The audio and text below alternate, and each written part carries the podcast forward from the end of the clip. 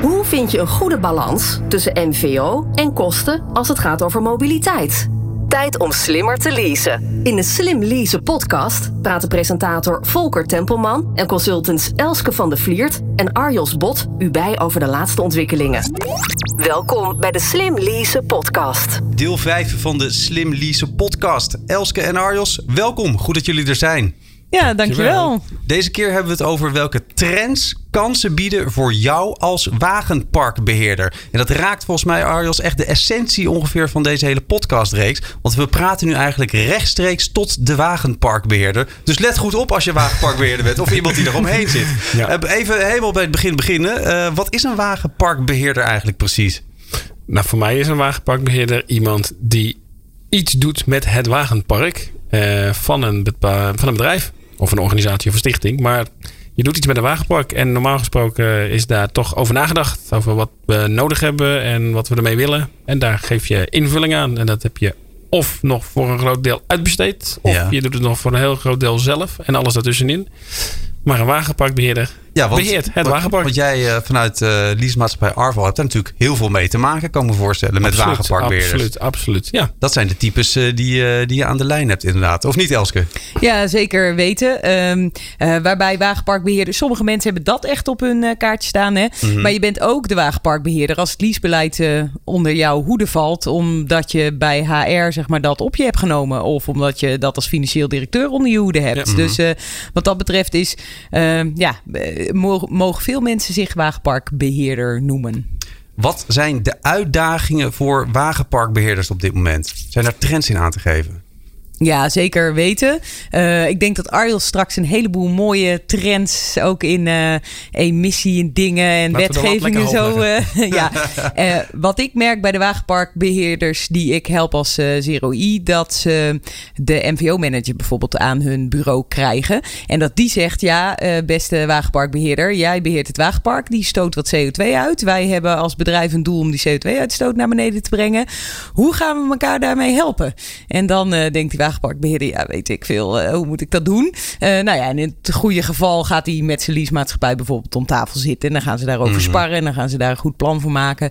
Eh, soms moet die MVO-manager heel erg helpen. Dus, eh, maar Arjels, eh, nog meer trends. Dank hè? voor het bruggetje, Elske. Zeker duurzaamheid is natuurlijk eh, echt een heel belangrijk thema vandaag de dag. Maar ja, eigenlijk heb je eh, drie belangrijke eh, eh, kapstokjes, noem ik het maar. People, Mhm. Planet, Profit. Of, Ja. of me- de medewerker, de kosten en eh, eh, maatschappelijk verantwoord ondernemen.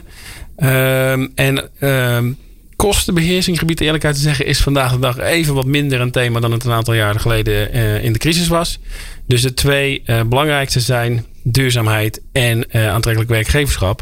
Ja, dat zijn de hoofdtrends die Ja. we allemaal wel zien. Maar wat betekent dat nou voor mobiliteit? Ja, maatschappelijk verantwoord ondernemen is niet alleen duurzaamheid, maar bijvoorbeeld ook veiligheid. Hoe ga je als werkgever om met het Ja. gebruik van je mobieltje, de Ja. appjes in de, op de smartphone? Want het is, we weten het allemaal, Ja. het is heel verleidelijk. Het veroorzaakt ook echt afleiding eh, en ongelukken vooral. Ja. Ehm, dus ja, ga je het verbieden? Ga je het blokkeren? Ga je tools ter beschikking stellen? Dus veiligheid is wel eh, een meer en meer een thema aan het worden. En heel begrijpelijk. En daaraan gelinkt bijvoorbeeld ook... ga je als werkgever ehm, mee in de ontwikkeling die auto's doormaken... Je kunt tegenwoordig echt van alles, laten we zeggen, aanvinken op een auto. Die jou als bestuurder helpt om binnen de lijntjes te blijven. Voldoende afstand te houden. Automatisch te remmen. Et cetera, et cetera, et cetera. Heel veel, inderdaad. Ja, eh, ga, je, ga je daar iets mee doen? Voel je daar beleid op? Ja of nee? Heb je eh, informatie daarover? Dus het gaat best ver en heel gedetailleerd. Ja. Wat wil Ja. je daarop inhaken, Elske? Nou ja, een- trend die ik ook zie als je het hebt over die medewerker is vitaliteit. Wordt steeds belangrijker voor die eh, bedrijven. Dat ze echt, nou ja, het is al moeilijk om nieuwe mensen te krijgen. Dan moet je ze ook nog aan je binden. En dan moeten ze ook nog heel lang gezond blijven werken bij je. En vitaliteit, eh, dat is ook, kijk, als jij eh, drie uur op een dag in je auto zit, word je daar iets minder vitaal van dan wanneer je drie uur op je fiets zit. Ja. Dus hè? Ja, zo, zo is het. De waarheid als een koe. Ja, ehm, als je met het OV reist bijvoorbeeld, gemiddeld genomen nemen OV-reizigers reizigers al 5500 stappen per dag. Gewoon gratis en voor niks, omdat ze met dat OV reizen. Ja. Nou, hoeveel zijn dat er voor de automobilist? 1500. Nou, Dit, weet je, dat Ja. soort dingen Ja. speelt ook al. Dat is ook zo'n trend die er nu is en die echt wel belangrijk is voor een heleboel partijen. Dit is de Slim Lease podcast met Volker Tempelman, Elske van de Vliert en Arjos Bot. Dat zijn trends. Even een stapje terug naar die people, die planet en die profit. De drie P's noem ik ze maar Ja, eventjes. ja. Eh, wat zijn daar de grootste uitdagingen in, Elske? Nou, ehm, daar eh, op een goede manier handen en voeten aangeven, zodat ze alle drie een win opleveren. Zodat je dus en beter je profit eh, kunt doen, en beter je medewerkers kunt laten werken, en toch ook maatschappelijk verantwoord kan ondernemen. Helemaal mee eens. En in mijn optiek kan het ook elkaar juist heel erg versterken.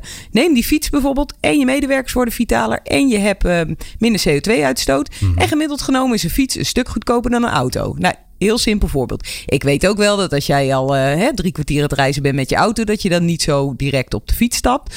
Maar een heleboel keren kun je alle drie die dingen goed met elkaar, zeg maar, een stapje verder brengen. Ja, dat is heel positief, maar het kan eh, ook helemaal eh, niet goed gaan, neem ik aan. Ik denk dat dat ook is hoe het vaak gaat. Arjels, eh, hoe, hoe gaat het Nou, dan, hoe gaat het dan ik- mis? Ik, ik ken wel niet mee eens? eh, bedrijven die eh, verplicht een, eh, een leaseauto ter beschikking stellen. En dan moet het ook nog een diesel zijn. En dan zitten ze ook nog op een locatie, eh, nou laat ik het anders zeggen, die wat filegevoelig is. ja, En je ziet gewoon, ja, vandaag de dag kijk om je heen, s morgens en s avonds, de filedruk neemt toe. nogal. De welvaart, misschien- hè, de economie is weer eh, goed aan het gaan. Dus gelukkig, oké. Is eh, goed voor de meesten van ons. Maar de filedruk is ook echt wel weer problematisch aan het worden. En volgens de ANWB gaat het geloof ik nog 30% eh, Nou. toenemen op korte termijn. Dus ja, wat, ga je als werkgever je medewerkers dwingen om in die file aan te sluiten? Of ga je ze wat meer flexibiliteit bieden? Dus zou je kunnen zeggen dat in dit eh, voorbeeld eh, de werkgever het dus niet goed doet? Ja, ik geloof dat ik nu gewoon een keer van mondig ja kan zeggen. Ja, als je het even Sorry, maar ik- ja, ja. Ja, en dan, dan komen ze ook bij het, eh, het thema van het wagenpark. Eh, dat is dus niet alleen een leaseauto. Dat is veel Nee. breder. Daar hebben we het al eerder over gehad in deze podcastreeks. Maar dat is ook bijvoorbeeld de fiets. Dat is ook de fiets en ook de trein. En eh, ook eh, eh, krijgen mensen een leaseauto of moeten ze zelf hun vervoer regelen?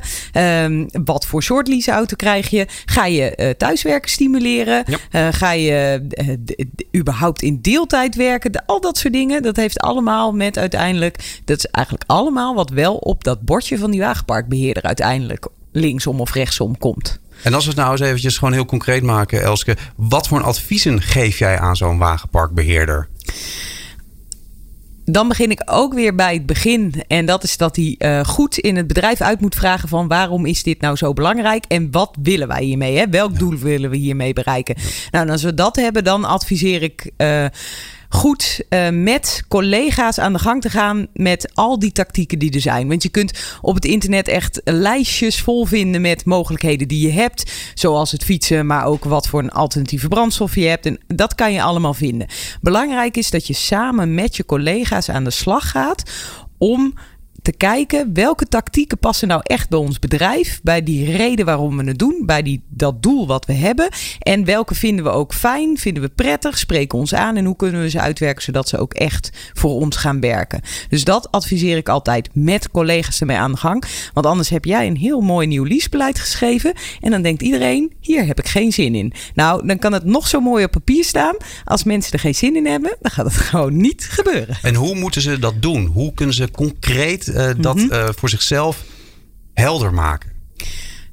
door in gesprek te gaan met collega's. Dat kan heel formeel, zeg maar, via workshops, waarbij je echt een paar tools gebruikt om dat los te krijgen. Maar het kan ook gewoon zijn dat je denkt: oké, ik ben deze week de hele week op de zaak. Ik ga elke lunchpauze met één collega praten en het is gewoon eens aan hem vragen. Heel simpel eigenlijk. Heel simpel. En die collega's, dat is nog wel relevant volgens mij, dat ze in ieder geval wat verschillende petten eh, hebben. Dus Zeker. je spreekt met iemand van finance, je spreekt met iemand van, als die er is, eh, eh, CSR, duurzaamheid, MVO. Je spreekt met iemand van personeelszaken, want het raakt heel vaak ook de arbeidsvoorwaarden. Zeker. Je spreekt, eh, lijkt me ook wel wenselijk, eh, op een in ieder geval tijdig of in een vroegtijdig stadium ook met iemand van de OR. Eh, zo heb je En zo, wel en, je, en zo de- door de- inderdaad. Ja, Hoe stimuleer je dat vanuit eh, een, een leasemaatschappij? Is dat iets waar jullie ook echt bij stilstaan en be- mee bezig zijn? Ja, zoals je eh, misschien al eerder gezegd, ik werk voor Arval Consulting. Nou, de naam zegt het al bijna. Dus wij als vanuit Arval adviseren echt bedrijven op dit gebied. We hebben echt de kennis in huis en de ervaring in huis om dit soort projecten, want het is het haast, te begeleiden en handen en voeten te geven. Ja. Heb je ook het idee dat dat steeds meer wordt? Een steeds belangrijke ja, rol het wordt steeds in meer omdat het uh, voorheen wat eenvoudiger was. Er was niet zo heel veel te kiezen. Nee. En vandaag de dag is er juist heel veel te kiezen. En je hebt iets meer uh, knoppen waar je aan kunt draaien. En misschien ook wat meer belanghebbenden. En heb je het gevoel dat uh, bedrijven dat goed doorhebben? Dat er meer mogelijkheden zijn en dat ze daar ook mee om weten te gaan? Dat is echt heel wisselend per bedrijf. Dat is echt heel wisselend per bedrijf. Um, dus sommigen lopen voorop en hebben daar ook een eigen mensen voor vrijgemaakt om daar tijd en energie in te stoppen, mm. zeg ik maar. En de kennis op te doen en te piloten. En sommigen uh, laten alles voorlopig nog zoals het ja, is. Totdat ja. het ergens een keer mis het blijft, uh, loopt. Het ja. blijft mensenwerk natuurlijk. Ja, uh, ja dat nee, dat is echt heel wisselend. Ja. En dat wil ik ook nog wel wat Vaak moet je een beetje... Hè, het moet jeuken of er moet wrijving zijn om iets te laten glanzen. Mm -hmm. Uh, zo heb je ook altijd vaak wel een soort van aanleiding. Er, zijn, ja. en er is wel echt een trend dat grotere bedrijven weer naar, ik noem het altijd maar een locatie gaan dichtbij een intercity treinstation. En dan wil je daar dus ook gebruik van maken. En als je dan verhuist, heb je toch weer minder parkeerplekken. En daar heb je dan ook weer een uitdaging. En zo is er altijd net iets wat, nou ja, een druppel die een emmer doet overlopen of iets in die geest. Uh, waardoor je haast wel iets moet. Het, wordt, het krijgt meer prioriteit. Mm -hmm. ja. Ik zie jou meeknikken, mee eens? Ja, zeker weten. Ik uh, merk het heel goed. Uh, aan de ene kant heb je bijvoorbeeld de bouwbranche en aan de andere kant heb je bijvoorbeeld de transportbranche. En beide hebben een, een bepaalde certificering als het gaat om, uh, om duurzaamheid. Maar toch, bij de bouwbranche heb je de CO2-prestatieladder. En omdat die klanten daar heel veel meer om vragen, ja. zie je dat dat gewoon heel veel sterker werkt. En dan krijg je inderdaad dat het gaat wrijven, dat het gaat schuren. Ze, ze moeten er echt wat mee. Ze, ze kunnen er niet meer onderuit om, om te zeggen: Nou, dat uh, leg ik even naast me neer. Nee, die klant die vraagt gewoon specifiek om: wat is je MVO-beleid? Wat is je CO2-prestatieladder? Certificaat, waar sta je? Hoe ga je je CO2-uitstoot reduceren? Nou ja, en als dat er is, ja, dan, dan zul je daar handen en voeten aan moeten geven. En dat is ook wel echt iets van uh, de trend van de laatste jaren dat daar gewoon ook scherper op bevraagd wordt. Eerst was het vooral de overheid die dat deed en nu zijn het ook de steeds meer grotere bedrijven die het aan de kleinere bedrijven vragen mm -hmm. en elkaar daar steeds meer op uitdagen. Dit is de Slim Lease podcast. In sommige branches is het echt wel een thema. Want ook in die transportbranche is het echt wel een thema. Ligt ook heel erg voor de hand. Hè? Want ja, wat ze doen is met vrachtwagens in de, in de rond rijden. Dus ja, dit is ook wel... Terwijl het in ICT bijvoorbeeld nog helemaal niet zo'n ding is. Daar, maar daar wordt ook veel minder bijvoorbeeld voor de overheid gewerkt. Dus dan zie je ook dat dat zich minder uh, terugvertaalt. Dus ja, per branche zijn daar zeker wel verschillen. En ik zou zeggen dat inderdaad die transport- en, en die bouwbranche in, in de hele brede zin, brede zin. Ja, die zijn daar echt wel mee bezig. En een branche is ICT. Kijk, en mode bijvoorbeeld. Dus de, die kleding die wordt over de hele wereld uh, versleept. Mhm. En sommige modehuizen zijn best wel bezig met duurzaamheid, maar dan puur op het kledingstuk. En niet op dat ze het helemaal uit China hierheen moeten halen. En dat daar ook nog kansen liggen. Dus. Um, Heb soms, jij, werk jij met, uh, met fashion uh, bedrijven? Ik heb voor een heleboel fashionbedrijven gekeken naar uh, de energieefficiëntierichtlijn die er is. Grote bedrijven moeten daaraan voldoen. En die mm. moeten ook een vervoersaudit laten maken. Ja. Nou, dat heb ik uh, inderdaad voor een heleboel uh, fashionmerken gedaan. En dan zie je dus dat ze echt wel het hart op de goede plek hebben. En ook echt wel daarmee bezig zijn. Maar dat ze het heel lastig vinden om die vertaling te maken naar hun transportbedrijf. Mm. Ik moest dan ook gegevens hebben van, nou, hoeveel vrachtwagens rijden er voor jullie? Nou, dat was, dat was echt de vraag. Die kon, dat was ingewikkeld. Daar konden ze niet mee uit de voeten. Dat de kwestie is van het transportbedrijf opbellen en zeggen: joh, lever die gegevens aan. Mhm. En als je met grote vervoerders werkt, ja, die kunnen dat ook gewoon doen. Maar die, dat wordt gewoon, die, die vraag wordt niet gesteld. Ja, dan gebeurt het ook niet. En het lijkt me best lastig om een goed alternatief te vinden. Want ja, het moet met de boot of met het vliegtuig of misschien met een trein. Maar dat lijkt me al niet echt. Uh, ja, wat ga je doen? Hè? De, de mogelijkheden zijn maar beperkt. De mogelijkheden zijn beperkt. Maar toch, als je je vervoerder daarop uitdaagt, dan uh, zijn er wel opties te vinden. Er varen steeds meer boten, zelfs op vloeibaar uh, aardgas bijvoorbeeld. ook uh, zijn er ontwikkelingen met zelfs elektrische vliegtuigen. En echt, al die kleren komen niet volgend jaar met elektrische vliegtuigen. Maar het is ook de markt uitdagen. En dan is daar best wel veel op mogelijk. En vergis je niet hoeveel gewone dieselvrachtwagens er nog met kleding rondrijden. Nou, daar zijn sowieso veel betere oplossingen voor. Ja, maar je kan er dus ook wel daadwerkelijk zelf een keuze in maken in je de specifieke vervoerder waarvoor je kiest. Ja. Uh, hoe uh, bewust die ermee omgaat. Ja, inderdaad. Dit is de Slim Lease podcast. Ik wil het even hebben over uh, de energy shift, Arjos. Mm -hmm, uh, daar, uh, dat is een, een, mooi woord en een mooi ja. thema ook. Want we ja. willen in principe allemaal weg van diesel, meer naar duurzame opties. Ja. Over die energy shift, wat is dat en hoe zit die in elkaar? Nou, wat we dus nu zien is dat diesel in de hoek zit waar eigenlijk gewoon de klappen vallen. En in Nederland worden we wel ook geholpen door het feit dat gewoon op basis van kosten of total cost of ownership. Het omslagpunt, dus wanneer is een benzine aantrekkelijk het meest voordelig en wanneer is een diesel het meest voordelig, dat ligt inmiddels al op 50.000 km per jaar of hoger. Mm -hmm. Dus vroeger, laten we daar geen misverstand over hebben, lag dat lager. Laten we zeggen 30, 35.000 ja. km per jaar.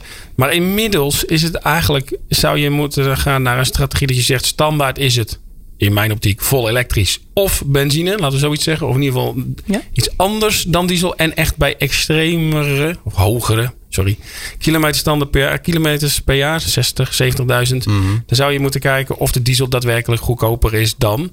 En dan zou je uh, eigenlijk als werkgever natuurlijk moeten kiezen voor een schone...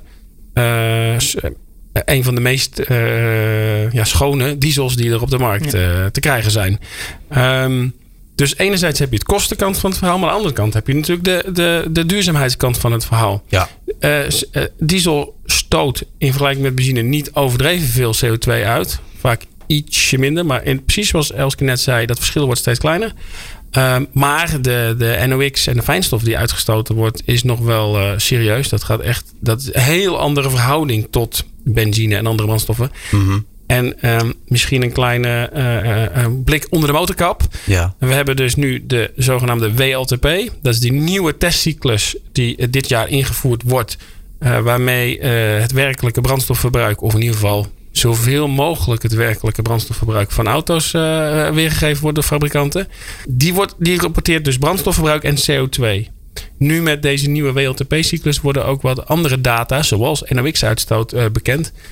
Ja, het is allemaal nog niet helemaal gepubliceerd. We hebben wat eerste resultaten binnen. Het is redelijk schokkend uh, wat daaruit uh, naar voren komt. Hoe het zit met NOx en fijnstofuitstoot van diesels. Dat is echt nog veel erger dan de meeste mensen uh, durven te denken. Elske, jij wil daarop inhaken? Ja, inderdaad. En dan ook nog een... Um, kijk, Arjos die had het over die mensen die 70.000 kilometer per jaar rijden. En dan snap ik best wel dat als je dat doet, dat je voor een diesel kiest. Uh, en dan ga je dus heel veel NOx en fijnstof uitstoten. Want je rijdt ook nog eens heel veel kilometers. Ja.